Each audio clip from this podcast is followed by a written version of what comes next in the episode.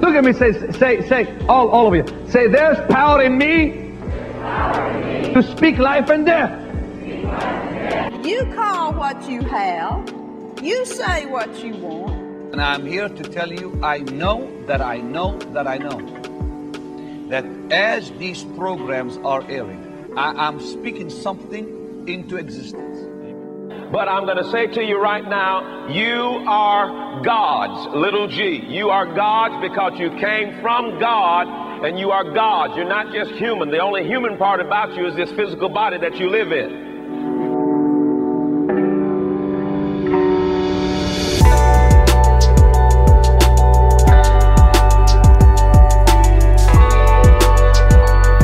Prayer is man giving God permission or license to interfere in earth's affairs.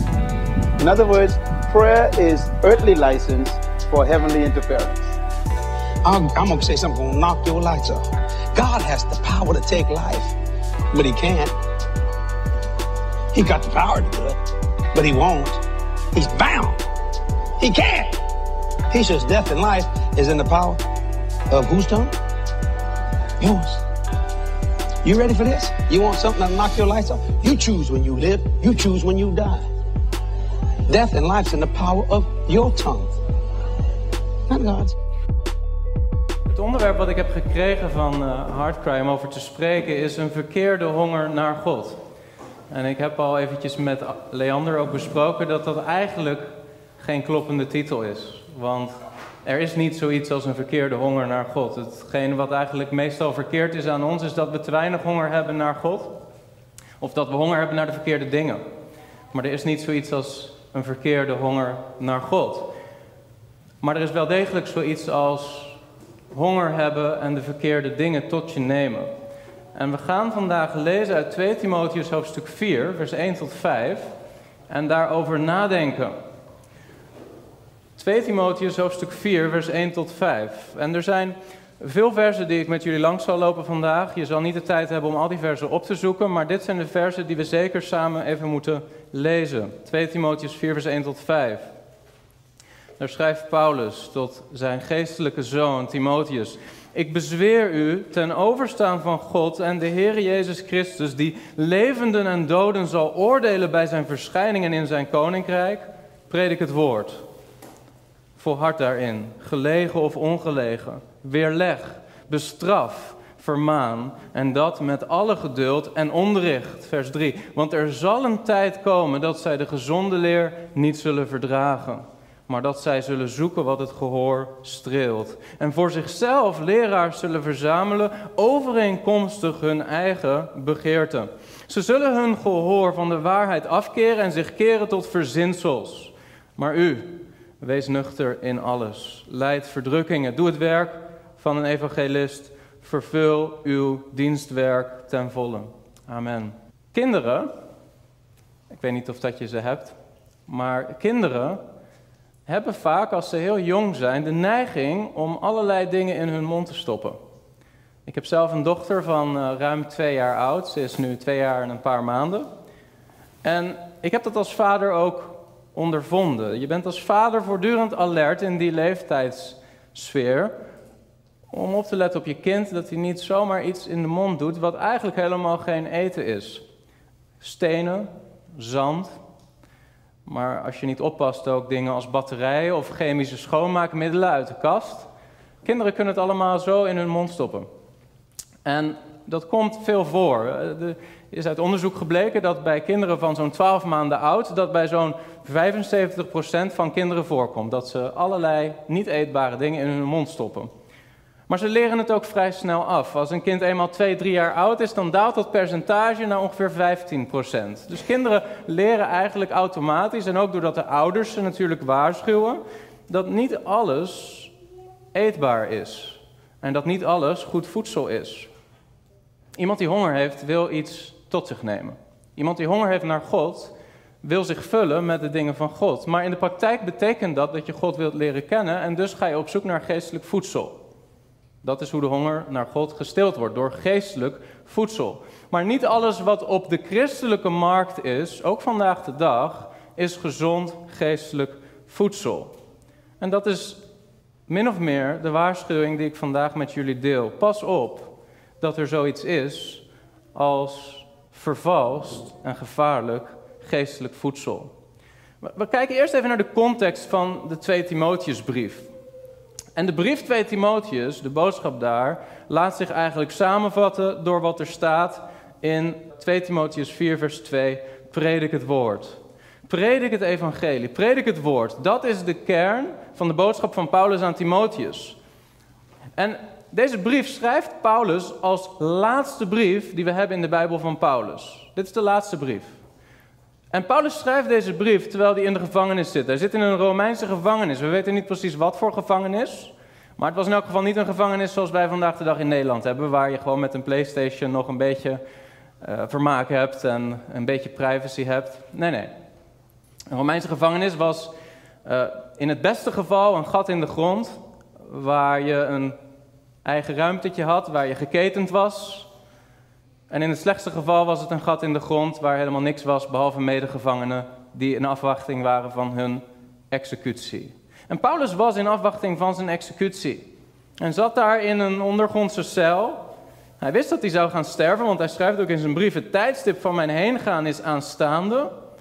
Maar waarom is dat belangrijk? Waarom zeg ik dat? Het is belangrijk omdat dit dus de laatste woorden zijn, zo'n beetje, die Paulus spreekt tot Timotheus. En de laatste woorden van iemand zijn vaak belangrijke woorden. Het zijn woorden waarin iemand de belangrijkste kern van zijn hart deelt.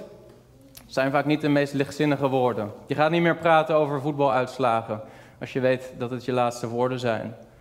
Paulus spreekt niet over de triviale dingen van het leven meer met Timotheus in deze brief. Hij schrijft de brief aan Timotheus. Timotheus is zijn geestelijk kind. Je zou kunnen zeggen misschien wel zijn opvolger. Het is een dienstknecht van God die hij ongeveer 14 jaar daarvoor als een jonge man heeft ontmoet en vervolgens heeft meegenomen op zijn zendingsreizen. Timotheus heeft samen met Paulus gediend in het evangelie. En hij was trouw. En daarom is deze boodschap die Paulus richt aan Timotheus belangrijk. Want het bereidt Timotheus voor op zijn bediening als Paulus er niet meer is. Je zou haast kunnen zeggen, het is een boodschap van een apostel aan een dienstknecht van de Heer die hem voorbereidt op een post-apostolische tijd, de tijd na het heengaan van de apostelen. En het legt de accenten die wij ook zouden moeten zien wanneer wij het hebben over geestelijke bediening in de tijd waarin wij leven. En dan valt er iets op. Dan valt er op dat Paulus in 2 Timotheus één ding steeds benadrukt. Ik ga de, een aantal versen met je langslopen en kijken of dat jij het ziet. 2 Timotheus 1 vers 8. Je mag meelezen als je snel genoeg bent. 2 Timotheus 1 vers 8. Schaam u dan niet voor het getuigenis van onze Heer en ook niet voor mij zijn gevangenen, maar leid met mij verdrukking om het evangelie overeenkomstig de kracht van God. Leid met mij verdrukking om het evangelie. 2 Timotheus 1 vers 13. Houd u aan het voorbeeld van de gezonde woorden die u van mij gehoord hebt in geloof en liefde die in Christus Jezus zijn. De gezonde woorden. 2 Timotheus 1 vers 14. Bewaar door de Heilige Geest die in ons woont het goede pand dat u toevertrouwd is. Waarbij het goede pand opnieuw gaat over het evangelie. Wat Timotheus is toevertrouwd en wat hij moet bewaren door de Heilige Geest. 2 Timotheus 2 vers 2. Wat u van mij gehoord hebt onder vele getuigen, vertrouw dat toe aan trouwe mensen die bekwaam zijn om ook anderen te onderwijzen. 2 Timotheus 2 vers 15. Beijver u om uzelf wel beproefd voor God te stellen als een arbeider die zich niet hoeft te schamen en die het woord van de waarheid recht snijdt. 2 Timotheus 2 vers 24. Een dienstknecht van de Heer moet geen ruzie maken, maar vriendelijk zijn voor allen, bekwaam om te onderwijzen en iemand die de kwade kan verdragen.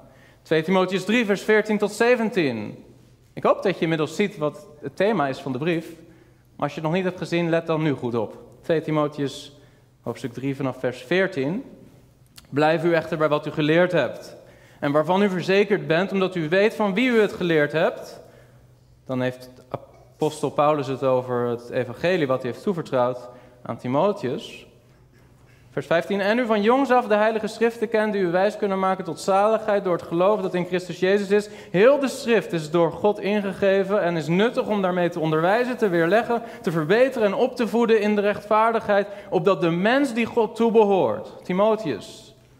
Timotheus, je bent een mens die God toebehoort. Opdat de mens die God toebehoort volmaakt zou zijn tot elk goed werk, volkomen toegerust. Zie je wat het thema is van de hele brief? Paulus zegt tegen zijn geestelijke zoon Timotheus: Timotheus, bewaar de leer van het evangelie, de gezonde woorden. Predik het woord, maar predik de waarheid en snijd de waarheid recht. En laat je niet verleiden, Timotheus, om compromissen te sluiten in de boodschap of de boodschap aan te passen. Ik bezweer u, 2 Timotheus 4, vers 1, ik bezweer u ten overstaan van God en de Heer Jezus Christus. Trekt dat je aandacht? Het trekt wel mijn aandacht. Ik bezweer u ten overstaan van God en de Heer Jezus Christus, die leven en doden zal oordelen bij zijn verschijningen in zijn koninkrijk. Predik het woord. Predik het woord.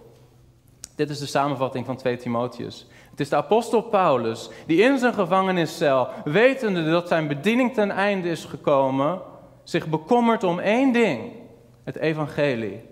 Het onversneden, onvervalste evangelie van Jezus Christus moet gepredikt worden. En het gevaar is dat Timotheus, op wat voor manier dan ook, ofwel uit lafhartigheid, ofwel vanwege de druk van valse leraren om hem heen, of omdat mensen zijn boodschap niet willen horen, zijn boodschap aanpast en een andere leer gaat prediken. Daar is Paulus bang voor. Daar liggen zijn zorgen. Terwijl hij zelf op het punt staat om te gaan sterven en hij weet het. Daar ligt het hart van de apostel. Zie je, de, de Bijbel, zoals ook um, broeder Leander al liet zien, de Bijbel, meer specifiek de Heer Jezus en de apostelen, waarschuwen ons keer op keer in het Nieuwe Testament voor de komst van valse profeten en valse leraren. De Heer Jezus in Matthäus 7 zegt: Wees op uw hoede voor valse profeten die tot u komen in schaapskleren, maar van binnen zijn het wolven. Roofzuchtige wolven. Velen zullen op die dag tegen mij zeggen: Heere, Heere, hebben wij niet in uw naam geprofiteerd en in uw naam demonen uitgedreven en in uw naam veel krachten gedaan? Dan zal ik hun openlijk zeggen: Ik heb u nooit gekend, ga weg van mij, u die wetteloosheid werkt. Deze wolven zijn niet mensen die op enig moment een echte relatie hadden met de Heer Jezus Christus en vervolgens zijn afgevallen. De Heer Jezus zegt: Ik heb u nooit gekend. Maar ze deden wonderen, ze profiteerden, ze dreven demonen uit. In de naam van Jezus. En Jezus heeft ze nooit gekend. En Jezus waarschuwt voor deze mensen. Matthäus 24, daar zegt de Heer Jezus: Er zullen valse Christussen, er zullen valse profeten opstaan. Ze zullen grote tekenen en wonderen doen. Is dat mogelijk? Is het mogelijk dat er valse profeten grote tekenen. Dit zijn geen goochelaars. Ze doen grote tekenen en wonderen. De Heer Jezus zegt: Zodanig dat zij, als het mogelijk zou zijn, ook de uitverkorenen zouden misleiden. Maar dat is kennelijk niet mogelijk. Maar zo indrukwekkend is de vervalsing van het evangelie en zijn de tekenen en de wonderen dat als mogelijk zou zijn zelfs de uitverkorenen zouden vallen. Maar ook Paulus, we hebben net gezien in Handelingen 20 hoe hij de ouderlingen van de gemeente te Efeze waarschuwt en zegt er zullen naar mijn vertrek grimmige wolven komen. Johannes in zijn 1 Johannesbrief zegt: Ze zijn uit ons midden weggegaan, maar ze waren niet uit ons. En dan heeft hij het over antichristen. En Petrus in 2 Petrus hoofdstuk 2 vers 1. Er zijn ook valse profeten onder het volk geweest, zoals er ook onder u valse leraars zullen zijn die geheim, op geheime wijze, heimelijk, verderfelijke afwijkingen in de leer zullen invoeren. En tot slot een van de laatst geschreven brieven van het Nieuwe Testament, Judas. Een brief die veel over het hoofd wordt gezien en die ik eigenlijk het hele jaar al zo'n beetje predik. Judas, die zegt in vers 3 en 4: Geliefden, toen ik mij er met alle inzet toe zette u te schrijven over de gemeenschappelijke zaligheid, werd ik genoodzaakt u te schrijven met de aansporing om te strijden voor het geloof dat eenmaal aan de heiligen overgeleverd is. Judas wilde een brief schrijven om het evangelie puntsgewijs uit te leggen. Hij wilde schrijven over de gemeenschappelijke zaligheid of redding.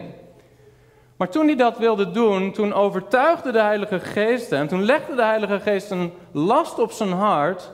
En zei tegen hem: Judas, ik wil dat je ergens anders over schrijft. Ik wil dat je schrijft een waarschuwing, een aansporing om te strijden voor het geloof dat eenmaal aan de Heilige overgeleverd is. Niet alleen maar een presentatie van het evangelie, maar een waarschuwing dat het geloof, het evangelie, iets is waar je voor moet strijden, omdat de boodschap aangepast wordt. Want, vers 4, er zijn sommige mensen binnengeslopen die tot dit oordeel al lang tevoren opgeschreven zijn, goddelozen, die de genade van onze God veranderen in losbandigheid en die de enige heerser, God, en onze Heer Jezus Christus verlogenen. Voordat ik wil inzoomen op valse leer, wil ik eerst heel duidelijk aan je laten zien wat het evangelie is wat Paulus had overgeleverd aan Timotheus. Want hij zegt, predik het woord. En dan zeg je, broeder Kist, wat is het woord? Wat, wat moet Timotheus precies prediken? Wat was het evangelie van Paulus? Heel belangrijk dat je dat weet. En er is, er is misschien geen duidelijkere uiteenzetting in de Bijbel te vinden van de boodschap van het evangelie dan de Romeinenbrief van Paulus. Ik wil die hele brief eventjes heel kort samenvatten, zodat je weet wat het evangelie is wat Timotheus moest prediken. En zodat je vervolgens ook ziet wat het niet is. Het is namelijk heel makkelijk om valse leer te herkennen als je goed weet wat de waarachtige leer is en wat het niet is. En dat begint in Romeinen 1, vers 16 en 17. Daar zegt Paulus: Ik schaam me niet voor het evangelie van Christus, want het is een kracht van God tot zaligheid voor ieder die gelooft. Er zijn zoveel mensen op zoek in, het christelijke, in de christelijke wereld naar de kracht van God. Paulus zegt: Dit is de kracht van God, het evangelie van Jezus Christus. Dat is de kracht van God. Hij zegt, ik schaam me er niet voor, het evangelie van Christus. Het is een kracht van God tot redding voor ieder die gelooft. Eerst voor de Jood en ook voor de Griek. Want de gerechtigheid van God wordt daarin geopenbaard uit geloof tot geloof, zoals geschreven is. Maar de rechtvaardige zal uit het geloof leven. Oké, we gaan even hoofdstuk voor hoofdstuk de Romeinenbrief door. Ongeveer één zin per hoofdstuk. In de eerste twee hoofdstukken van de Romeinenbrief maakt Paulus duidelijk dat alle mensen, zowel heidenen als joden, hebben gezondigd. Niet alleen hebben gezondigd, maar zondaren zijn, rebellen zijn tegen God en het eeuwig oordeel verdienen. Paulus maakt duidelijk dat ieder mens God kent, mocht je daaraan twijfelen. Ieder mens weet dat er een God is. God heeft dat besef in ieder mens gelegd. Maar ieder mens verdrukt die kennis omdat hij God niet wil kennen. Waarom wil hij God niet kennen? Omdat hij zijn autonomie niet wil opofferen. Sinds de zondeval. Daar begint het. Ieder mens is een zondaar, verdient het eeuwige oordeel. Dan kom je Romeinen 3. Daar maakt Paulus duidelijk dat uit werken van de wet geen vlees gerechtvaardigd zou worden. Dus dan zeg je, broeder Chris, oké, ik weet dat ik een zondaar ben. Ik moet beter mijn best doen, ik moet de wet houden. Nee, zegt Paulus, uit werken van de wet zal geen vlees gerechtvaardigd worden, want, en zo lezen we ook in Romeinen hoofdstuk 8, de natuurlijke mens kan God niet behagen. Dan komen we aan het eind van Romeinen 3 en daar maakt Paulus duidelijk de kern van het evangelie. Dat de Heer Jezus Christus, de rechtvaardige Zoon van God, de Zoon des mensen, is gekomen en het volmaakte offer heeft gebracht. Het volmaakte verzoenend offer voor de zonde van de mensheid. Dan komen we in Romeinen hoofdstuk 4 en daar wordt uitgelegd door Paulus dat we de verlossing door dat offer slechts kunnen ontvangen door geloof. En hij verwijst daarbij ook naar het geloof van Abraham. Dus we zijn gered door het offer van Christus alleen. Romeinen hoofdstuk 4 door geloof alleen. Dan kom je in Romeinen hoofdstuk 5 en daar gaat het over de betekenis van rechtvaardiging. Want het gaat verder dan alleen maar vergeving van zonde. Hij, heeft jou gerechtvaardigd. Rechtvaardiging betekent dat God jou ziet alsof je nooit gezondigd zou hebben. Je wordt bekleed met de rechtvaardigheid van Christus. Kom je in Romein hoofdstuk 6, dan zie je dat we weliswaar gestorven zijn aan de zonde. Dus daar gaat het over wedergeboorte, wat het betekent om opnieuw geboren te worden. Gekruisigd met Christus, gestorven met Christus. En daardoor geen slaaf meer van de zonde maar een slaaf van de gerechtigheid. Dus gered worden betekent ook dat Jezus Christus jouw Heer wordt. Daar waar eerst de zonde jouw Heer was, wordt de Heer Jezus Christus jouw Heer. Dus dat is Romein hoofdstuk 6, dat gaat over wedergeboorte. Romein hoofdstuk 7, daar wordt besproken dat we weliswaar gered zijn en opnieuw geboren zijn, maar dat we nog steeds de zonde in ons vlees hebben. Dat er nog steeds, omdat we in ons oude lichaam zitten, een realiteit is van zonde in ons, begeerte in ons die ons weg wil leiden van de dingen van God. En dat dat betekent dat een volgeling van Christus een constante strijd te wachten staat. Een strijd waarbij de Heer Jezus aangeeft dat we het kruis op moeten nemen en Hem volgen en moeten sterven aan onze eigen begeerten. Zij die Christus toebehoren hebben het vlees met haar begeerte gekruisigd. Daar gaat Romeinen 7 over. Romeinen hoofdstuk 8 gaat vervolgens over, en dat is een hele troostende boodschap, het feit dat de Heilige Geest aan ons gegeven is. De Heer Jezus is gestorven, hij is opgestaan, hij is naar de rechterhand van de Vader gegaan, hij heeft de Heilige Geest uitgestort en iedere gelovige ontvangt bij wedergeboorte de Heilige Geest. En Romeinen hoofdstuk 8 geeft aan dat het kracht en het werk, de kracht en het werk van de Heilige Geest ons bevrijdt van de wet van zonde en van de dood. Dus wij strijden niet alleen tegen de zonde, maar de Heilige Geest in ons geeft ons overwinning over de wet van de zonde die in ons vlees zit. En de Heilige Geest getuigt dat wij kinderen van God zijn. Dus je bent niet alleen maar een geredde zondaar, je bent een kind van God. Gerechtvaardigd en rein in zijn ogen, bekleed met de gerechtigheid van Christus. Je bent een kind van God. Je mag hem Abba, Vader noemen. Hij heiligt je, de Heilige Geest. Hij vormt je steeds meer naar het beeld van Christus. Zegt Romein hoofdstuk 8.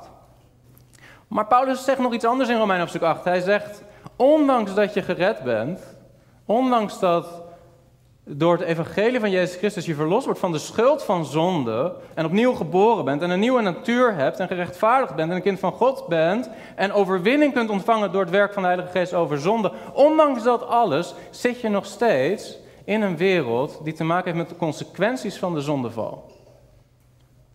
En komt er een moment in de toekomst dat de Heer Jezus terug zal keren, dat wij ons opstandingslichaam zullen ontvangen en dat we bevrijd zullen worden van een schepping die zucht.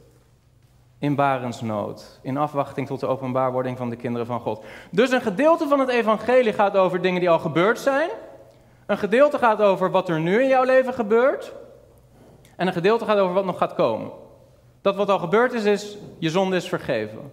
Je bent gerechtvaardigd. Dat wat op dit moment gebeurt, is de Heilige Geest werkt in jou om de zonde te overwinnen en jou te maken en vormen naar het beeld van Christus. Dat wat nog gaat gebeuren, is dat God jou zal bevrijden van de aanwezigheid en de consequenties van de zonde. Van dingen als ziekte, lijden, pijn, tranen, nood. Dat zijn dingen die je allemaal als christen nog steeds meemaakt als consequentie van de zondeval in de wereld waar je in leeft. Dan gaat Paulus verder in Romeinen hoofdstuk 9 en hij geeft aan dat God soeverein is in dit hele proces. Als je mij vraagt wat is een Arminiaan, dan zeg ik het is een Calvinist die Romeinen hoofdstuk 9 nog niet gelezen heeft. Maar Romeinen hoofdstuk 9 geeft aan dat God soeverein is in dat proces. Dat is een grapje hoor, je mag daar best anders over denken. Maar God is soeverein in het proces, zegt Romeinen hoofdstuk 9. En Romeinen 9 tot 11 geeft vervolgens antwoord op de vraag: maar waarom Paulus, als dit het evangelie en het plan van God is, waarom ontvangt Israël dan dit evangelie niet? En dan zegt Paulus: voor een periode heeft Israël het verworpen, zodat het gaat naar de heidenvolken.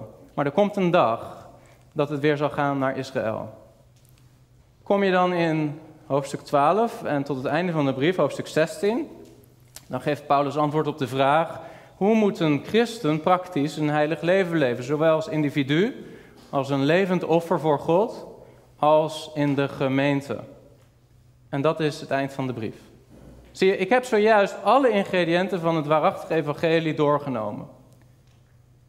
Als je iets afdoet van wat ik zojuist heb besproken, dan heb je een ander evangelie. Als je iets aan toevoegt, dan heb je een ander evangelie. Dit is het evangelie waarvan Paulus tegen Timotheus zei: predik het woord. Predik het woord. Inclusief de realiteit in Romein hoofdstuk 8 dat een christen nog steeds te maken heeft met de consequenties van een wereld die in zonde gevallen is, zoals ziekte, zoals lijden, zoals pijn. Het evangelie is in conclusie de boodschap van hoe een mens gered kan worden van zonde door middel van het offer van de Heer Jezus Christus. En De Heilige Geest heeft getuigenis aan deze boodschap gegeven in de bediening van de Heer Jezus en in de bediening van de apostelen door deze boodschap die ik zojuist met jullie heb gedeeld te bevestigen, zegt Hebreeën hoofdstuk 2 vers 4, door er getuigenis aan te geven, zegt Hebreeën hoofdstuk 2 vers 4, door tekenen, wonderen en allerlei krachten en gaven van de Heilige Geest. Waarom? Omdat deze boodschap nieuw was. 2000 jaar geleden, toen de Heer Jezus kwam als Zoon van God op aarde en het evangelie manifesteerde en vervolgens de apostelen het evangelie predikten, was deze boodschap nieuw. En er werd getuigenis aan gegeven doordat de apostelen die deze boodschap predikten, vervolgens ook wonderen en tekenen deden. Ze genazen, ze dronken soms dingen die slecht voor hun waren mogelijk. Paulus werd gebeten door een slang, hij stierf niet. God gaf getuigenis aan deze boodschap. Dit is heel belangrijk om te zeggen. Wonderen en tekenen zijn niet het evangelie. Wonderen en tekenen, inclusief genezingswonderen, waren er om het gezag van de boodschap van het evangelie te ondersteunen. Maar vergis je niet, ze zijn niet het evangelie. Het evangelie is wat ik zojuist heb gedeeld met jullie in Romein hoofdstuk 1 tot 16. En opmerkelijk genoeg wordt daar nauwelijks tot niet gerept over genezing, wonderen of wat dan ook. En dat geldt net zo goed voor de brief aan Timotheus. Interessant dat Paulus steeds zegt tegen Timotheus: let op de leer, let op het evangelie, predik het woord, pas op. En nergens zegt: hey Timotheus, genees de zieken. hey Timotheus, wek de doden op. hey Timotheus, doe wonderen. Opmerkelijk. Het enige wat hij zegt aan het einde van 2 Timotheus is dat hij Trofimus ziek heeft achtergelaten. Dit is allemaal voorbereidend werk om je straks te laten zien wat gevaarlijke dwalingen zijn die momenteel in het christendom rondwaren. Maar het evangelie gaat dus over hoe dat wat de Heer Jezus Christus heeft gedaan aan het kruis, hoe dat vervolgens in jouw leven jou vrijzet van zonde. In het heden, in het verleden en in de toekomst. Nu komen we even terug bij de brief aan Timotheus. Want Paulus die waarschuwt voor afdwaling, voor dwaalleer. En als ik vandaag met jou spreek over dwaalleer, dan is er eigenlijk geen einde aan alle leren die ik met je zou kunnen doornemen. Of dat het nou gaat om de leer van Jehovah's getuigen, of dat het nou gaat over de islam of over het mormonisme. Het einde is buiten zicht. Als ik daaraan zou beginnen, dan zouden we hier nog dagen kunnen zitten. En daarom is het belangrijker dat je weet wat het waarachtige evangelie is, zodat je afwijkingen daarvan kunt herkennen. Maar weet je, Paulus waarschuwt Timotheus waarschijnlijk niet voor dat soort secten. Waar hij ze voor waarschuwt is nog veel subtieler en gevaarlijker dan dat. Want let goed op, wat staat er in 2 Timotheus 4, vers 3? Hij zegt, er zal een tijd komen dat ze de gezonde leer niet zullen verdragen, maar dat zij zullen zoeken wat het gehoor streelt en voor zichzelf leraars zullen verzamelen overeenkomstig hun eigen begeerte. Het probleem begint niet bij de dwaalleraar. Zie je dat? Het probleem begint bij het hart van mensen. Mensen waarvan Paulus zegt, er komt een tijd dat zij de gezonde leer niet meer zullen verdragen. En dat zij leraars zullen verzamelen naar hun eigen begeerte. Zie je, dat is het gevaar waar Paulus voor waarschuwt aan Timotheus. Paulus voorziet dat de boodschap van het evangelie aangepast gaat worden om ruimte te maken in het evangelie voor de natuurlijke zondige begeerte van mensen. Dat is waar Paulus Timotheus voor waarschuwt. En dan zeg je, broeder Chris, welke begeerte bedoel je dan precies? En dan zeg ik, oké, ga terug naar 2 Timotheus hoofdstuk 3 en kijk wat Paulus daar zegt. 2 Timotheus 3 vanaf vers 1. En weet dit, dat in de laatste dagen zware tijden zullen aanbreken, want de mensen zullen liefhebbers zijn van God. Staat dat er? Nee. Er staat, want de mensen zullen liefhebbers zijn van zichzelf. Zie je, dat is waar Paulus bang voor is. Mensen zullen steeds meer liefhebbers worden van zichzelf.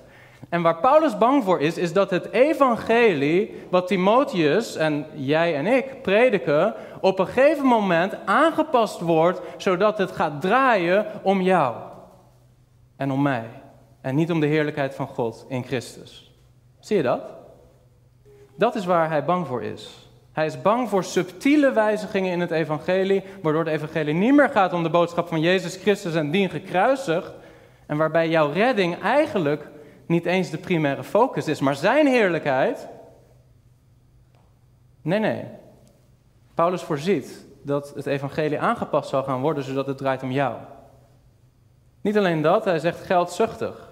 Paulus voorziet dat het evangelie aangepast zal worden, zodat het plaats gaat krijgen, plaats gaat maken voor jouw behoefte aan materiële welvaart. Paulus voorziet dat er een evangelie gepredikt zal gaan worden, wat belooft aan de toehoorder dat hij rijk zal worden als hij zijn vertrouwen stelt op het evangelie.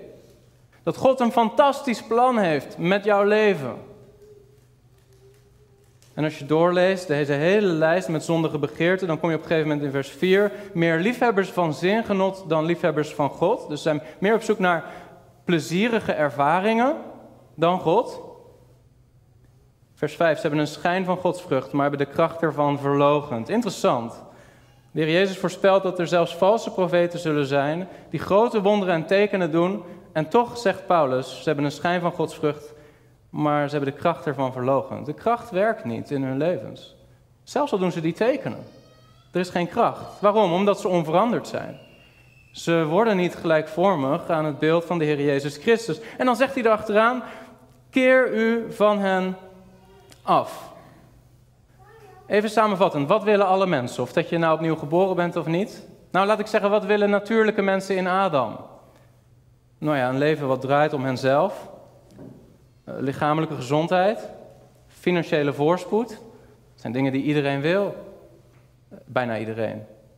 Er zijn een aantal mensen die het niet willen, maar bijna iedereen is wel op zoek naar lichamelijke gezondheid, financiële voorspoed en een leven wat draait om henzelf. En Paulus voorziet dat het evangelie op enig moment vermengd zal gaan raken met die belofte. Herkennen jullie dit of niet? Gaan er belletjes rinkelen als je zo een beetje rondkijkt in het christendom van vandaag de dag? Als je het evangelie gepredikt hoort worden, dan is het niet vreemd vandaag de dag om een willekeurige kerk in te stappen en dingen te horen als God houdt van jou en hij heeft een fantastisch plan voor jouw leven. En dan denkt de natuurlijke, niet wedergeboren mens, nou dat is fantastisch, want ik hou ook van mezelf en ik heb ook een fantastisch plan voor mijn leven. Kom er maar bij God, kom er maar bij Jezus. Of God wil dat jij gezond bent. En Jezus is gestorven voor jouw ziekte, zodat jij gezond kan zijn. Nou, dan denk je, nou, ik wil natuurlijk wel lichamelijk gezond zijn, dus kom er maar bij, Jezus, als geneesheer.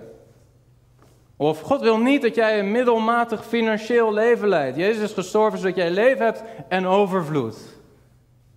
Jezus, hij is arm geworden, zodat jij rijk zou zijn. En dan bedoelen ze financiële rijkdom. Herken je dit of niet? Ben ik de enige die steeds de verkeerde kerk inloopt? Of? Ik denk het niet, hè? Uh, ik wil jullie iets vertellen over een gevaarlijke dwaalleer die erg rondgaat in de charismatische en pinksterwereld, ook in Nederland, vooral de afgelopen honderd jaar. En dat gaat over de zogenaamde woord van geloof theologie, word of faith theology. Wie heeft er wel eens van gehoord in de zaal? Ongeveer, ongeveer de halve zaal. Woord van geloof theologie is een belangrijke dwaalleer in heel veel Pinkster- en charismatische gemeenten. Ik zeg niet allemaal, maar heel veel Pinkster- en charismatische gemeenten hebben misschien zonder het te weten een hele hoop leugens vanuit de Word of Faith Theology in hun evangelie ingebakken. De Word of Faith beweging begon eigenlijk niet bij een christen, maar begon bij een man genaamd Quimby, waarschijnlijk. Dat is wat we denken. We weten niet helemaal zeker, waarschijnlijk. Begon bij een man genaamd Quimby in het begin van de 19e eeuw. Quimby was niet een christen, hij was in feite een occultist. Hij hield zich bezig met metafysische filosofieën, gericht op hoe een mens een beter leven zou kunnen leiden. En hij is oprichter van wat vandaag de dag genoemd wordt de New Thought Movement, oftewel de nieuwe gedachtenbeweging. Broeder Chris, wat betekent dat? Wat leert deze beweging? Nou, zij leren dat het goddelijke zit in elke mens, want alle mensen zijn geestelijke wezens. En dat de wijze waarop wij denken zich manifesteert in onze dagelijkse ervaringen. Hoor je me goed? Ik ga een voorbeeld geven. Als ik een Ferrari wil, dit is, dit is de gedachtegoed van Quimby. Als ik een Ferrari wil, dan moet ik, omdat ik een mens ben, maar ook een geestelijk wezen ben, en omdat het heelal zich gedraagt naar bepaalde geestelijke wetten, moet ik vooral gaan denken in mijn hoofd: ik wil een Ferrari. Ik wil een Ferrari. Ik wil. Jongen, wat zou ik een Ferrari willen? Laat die Ferrari maar komen. En op die manier kan het heelal niet anders dan die Ferrari langzaam op mijn pad brengen. Want ik ben een geestelijk wezen en er functioneert zoiets als de law of attraction. Dit gedachtegoed is ook in Nederland erg populair geweest onder niet-christenen. Toen in 2006 een boek uitkwam genaamd The Secret. Heeft iemand ervan gehoord? The Secret? Ja. Beschrijft eigenlijk precies hetzelfde. De law of attraction, de wet van aantrekking. En dit volstrekt onbijbelse idee is overgenomen aan het begin van het ontstaan van de charismatische beweging. Aan het begin van de 20e eeuw met de zogenaamde Azusa Street Revival. Daar waar de charismatische en Pinksterbeweging eigenlijk haar oorsprong naar terug kan herleiden.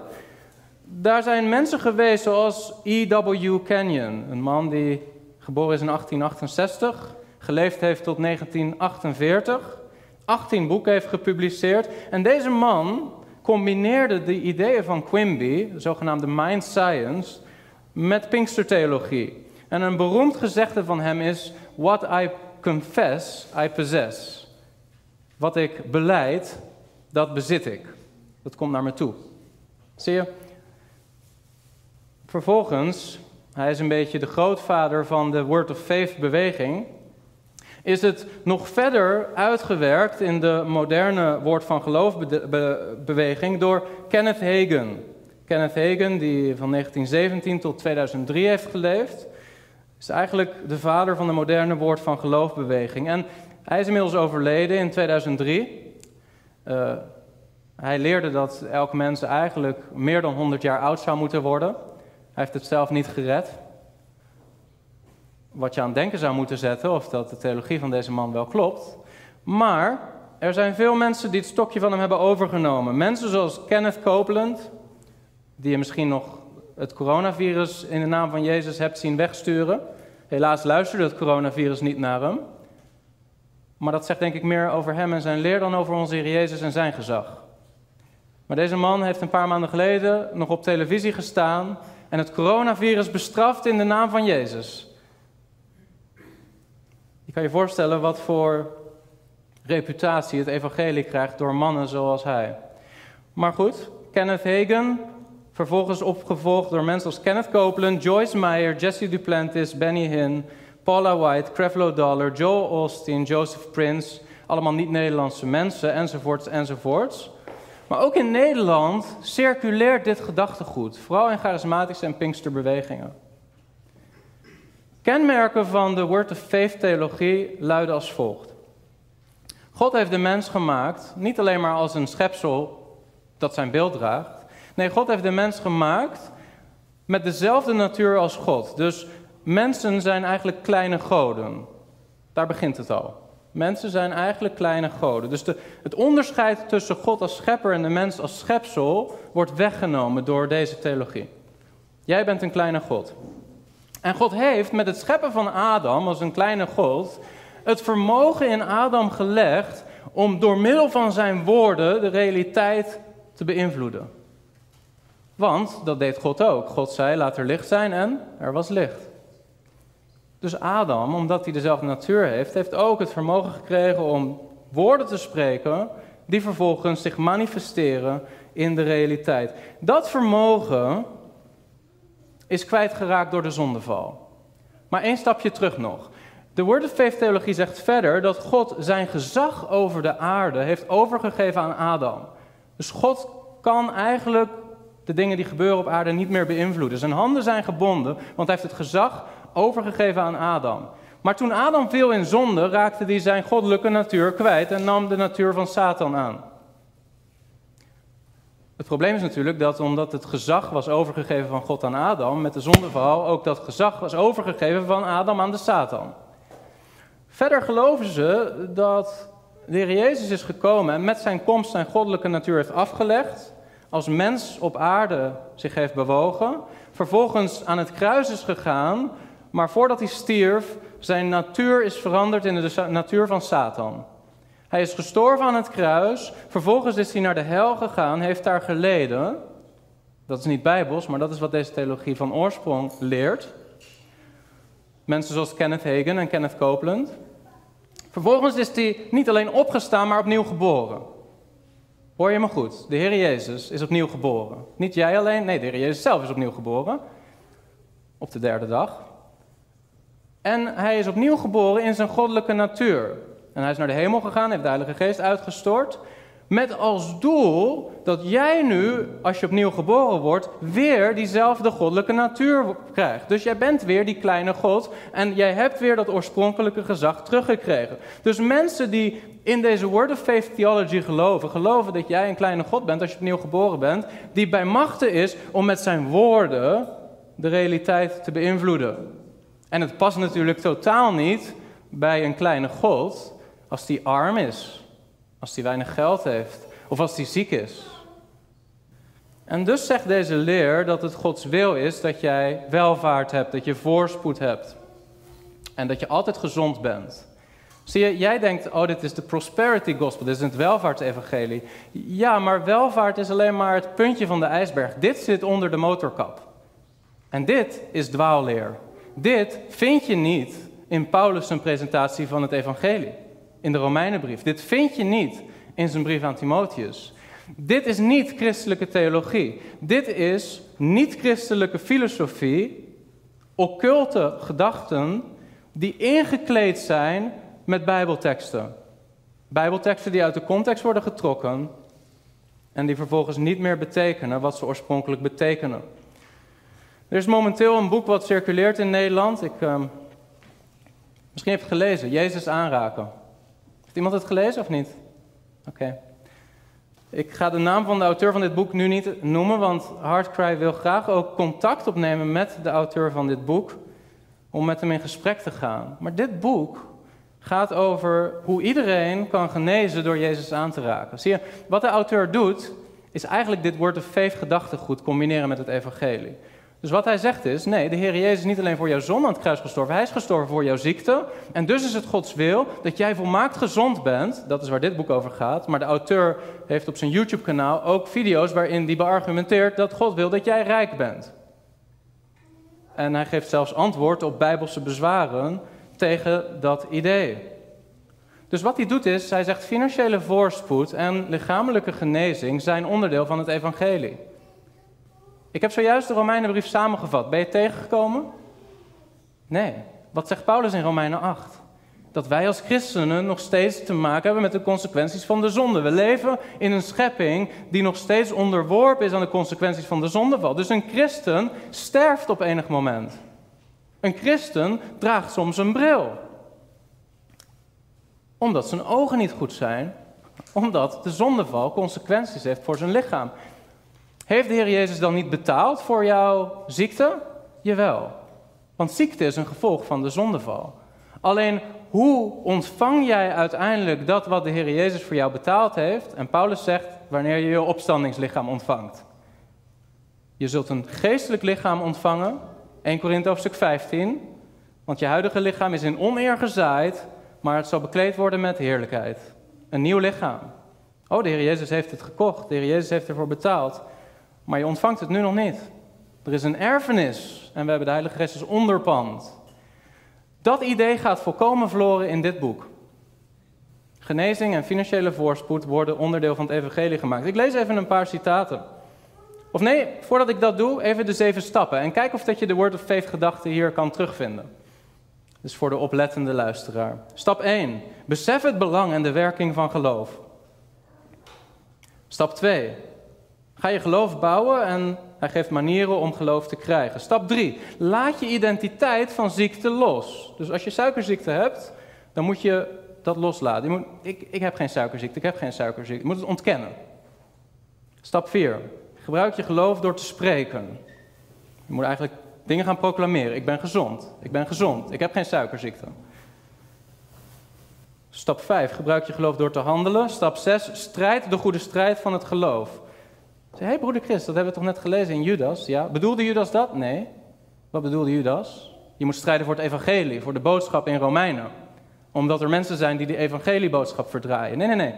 De auteur van dit boek zegt: het gaat om het geloof, in jouw geloof, dat je genezing gaat ontvangen. Dit is de law of attraction. Dit is geen christelijke theologie. Strijd de goede strijd van het geloof. En dan stap 7, ontvang jouw wonder. Ontvang jouw wonder. Een paar citaten uit dit boek. Het klopt dat het ontvangen van genezing geen methode of optelsom is, maar het is wel zo dat deze zeven stappen altijd zullen werken voor iedereen. Dat komt omdat Gods woord altijd werkt voor iedereen. Werkt Gods woord altijd voor iedereen? Als het Gods woord is. Maar dit is niet Gods woord. Dit is niet wat Paulus onderwijst, dit is niet het evangelie. Ander citaat. Volgens Jezus was genezing niet afhankelijk van Gods wil of geluk, maar van ons geloof. Ander citaat. Niet God, maar de duivel maakt mensen ziek. Ander citaat. Jij bent deel van Gods koninkrijk en ziekte hoort daar niet thuis. Je zal maar christen zijn en ziek zijn, hè? En het evangelie tot je genomen hebben en opnieuw geboren zijn en diabetes hebben. Hoor jij dan nog thuis in het koninkrijk? Ziekte hoort er niet thuis, kennelijk. Hoor jij er dan nog thuis? Als je een kindje hebt gekregen met het syndroom van Down, hoor jij dan nog thuis in het koninkrijk? Want ziekte hoort niet thuis in het koninkrijk, volgens dit boek. Wat je hoort, nog een citaat, wat je hoort ga je geloven. Stel dat de arts tegen je zegt, meneer, u heeft een hersentumor die niet te genezen is. Waarschijnlijk heeft u nog drie maanden te leven. Misschien dat je dit in het begin niet kunt geloven. Dus je laat een second opinion uitvoeren. De tweede arts vertelt je echter precies hetzelfde. Je vraagt nog advies van andere specialisten, maar iedereen vertelt jou hetzelfde. Uiteindelijk ga je geloven wat ze zeggen, omdat dat is wat je hoort. Het woord ongeneeslijk spookt door je hoofd, omdat je dat gehoord hebt. Als geloof komt door het horen, waar luister jij dan naar? Naar familie, naar vrienden, naar de dokter of naar God? Moet je voorstellen dat je ouderling bent in een gemeente en iemand in jouw gemeente krijgt kanker, krijgt die diagnose te horen. Iemand die heel zijn leven de Heer Jezus gediend heeft in het evangelie, zijn vertrouwen gesteld heeft voor zijn eeuwig heil in de kruisdood en het offer van de Heer Jezus. En je krijgt nu dit te horen. Ga jij, wat is jouw boodschap, wat is jouw pastorale boodschap aan mensen die worstelen met ziekte?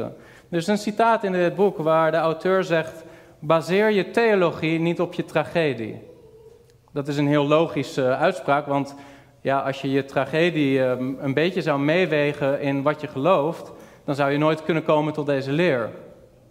Maar het probleem met deze theologie is dat er helemaal geen ruimte is meer voor jouw tragedie. Dus christenen die wel in een situatie van tragedie terechtkomen, en dat zijn we vroeg of laat allemaal, die hebben geen antwoord meer op deze situatie in hun leven. Zie je, de auteur van dit boek maakt lichamelijke genezing en materiële welvaart onderdeel van het evangelie. En daarmee verandert hij het evangelie en daarmee begeeft hij zich op glad ijs. En jij als christen zou het onderscheid moeten hebben om dit te verwerpen. Waarom dragen de leraren van deze theologie zelf een bril? Waarom worden ze zelf ziek? Waarom sterven ze? Is de Heer Jezus niet gestorven om alle consequenties van de zondeval weg te nemen? Als dat zo is, waarom is de dood dan nog steeds de realiteit? Zelfs voor al deze leraren. Omdat het niet klopt. Omdat het niet bijbels is. Waarom genezen eigenlijk in deze beweging zelden mensen van echte aandoeningen? Oh ja, hun psychosomatische klachten worden eventjes wat minder. Maar echte problemen, echte problemen zoals het syndroom van Down, echte problemen zoals een geamputeerde ledemaat, Echte problemen zoals iemand die van zijn geboorte af blind is geweest. Of levenslang verlamd. Het soort wonderen wat de Heer Jezus en de apostelen deden, dat zie je nauwelijks of niet. Wat je ziet is psychosomatische genezingen. Je mag het met me oneens zijn. Ik zeg niet dat de Heilige Geest niet meer werkt vandaag. Dat zeg ik niet. Wat ik zeg is, je kan niet de tekenen en de wonderen en de genezingen die de Heilige Geest heeft gedaan door de Heer Jezus, door de apostelen, ter ondersteuning van de boodschap van het evangelie, maken tot het evangelie zelf. En dat is wat deze man doet. Zie je dat? Dat is een verschil. Er waren een aantal mannen die brachten een zieke naar de Heer Jezus in Lucas hoofdstuk 5. Een vriend van hun, een man die op een bed lag en verlamd was. Interessant dat de auteur van dit boek juist nota bene verwijst naar deze geschiedenis. En ze brengen deze man via het dak naar de Heer Jezus. En dan zegt de Heer Jezus tegen deze verlamde man, als eerst, weet je het nog? Wat zegt de Jezus als eerst tegen deze man? Man, uw zonden zijn u vergeven. Denk je, maar daarvoor kwamen ze niet bij Jezus. Ze wilden genezing, ze wilden dat die man weer ging lopen, toch? Maar Jezus zegt als eerste, uw zonden zijn u vergeven. En dan zie je dat de mensen daar omheen, de religieuze leiders, gaan discussiëren. Wie is, wie is deze man dat die zonde kan vergeven? En wat zegt de Jezus dan? Ik ga het voorlezen. Wat is gemakkelijker te zeggen? Uw zonden zijn u vergeven? Of te zeggen, sta op en ga lopen? En dan zegt hij erachteraan, maar opdat u weet, opdat u zult weten dat de Zoon des Mensen macht heeft, gezag heeft op aarde om zonde te vergeven. Ik zeg u, sta op, neem uw bed op en ga naar uw huis. Dus wat zegt de Heer Jezus eigenlijk? De genezing, is dat het einddoel? Nee, het doel van de genezing is om het gezag van de Heer Jezus te bevestigen om zonde te vergeven. Jouw probleem is niet jouw ziekte. Ik zeg het met alle respect. Jouw probleem, jouw grootste probleem is niet jouw ziekte, het is je zonde. Het is niet de tijdelijke lijdensweg waar je doorheen gaat. Het is de eeuwige lijdensweg waar je naarheen zult gaan als je niet gered wordt van je zonde.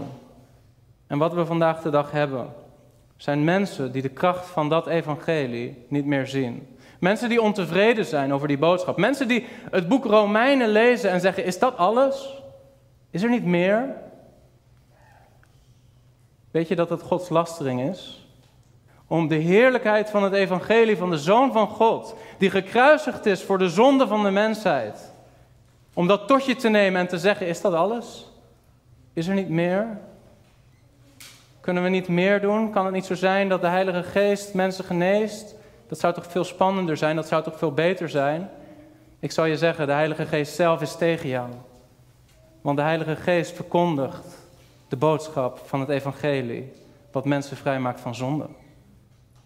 En ik geloof dat de mensen die vandaag de dag de onversneden waarheid prediken van het Evangelie van Jezus Christus, meer ervaren van de werking van de Heilige Geest dan de christenen die zoveel bezig zijn met het werk van de Heilige Geest. De Heilige Geest neemt de dingen van de Heer Jezus en verkondigt ze. En je zult meer zien van het werk van de Heilige Geest als je de boodschap van het Evangelie predikt, dan wanneer je overal naartoe gaat en mensen probeert te onderwijzen over de gaven van de Heilige Geest. Dit is het hart van de Heilige Geest, de boodschap van het Evangelie van Jezus Christus. We gaan um, naar een afronding toe.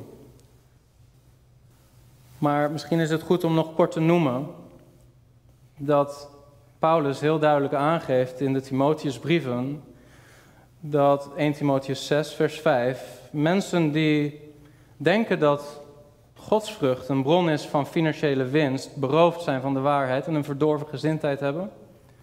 Want godsvrucht is inderdaad een bron van grote winst, vergezeld van tevredenheid.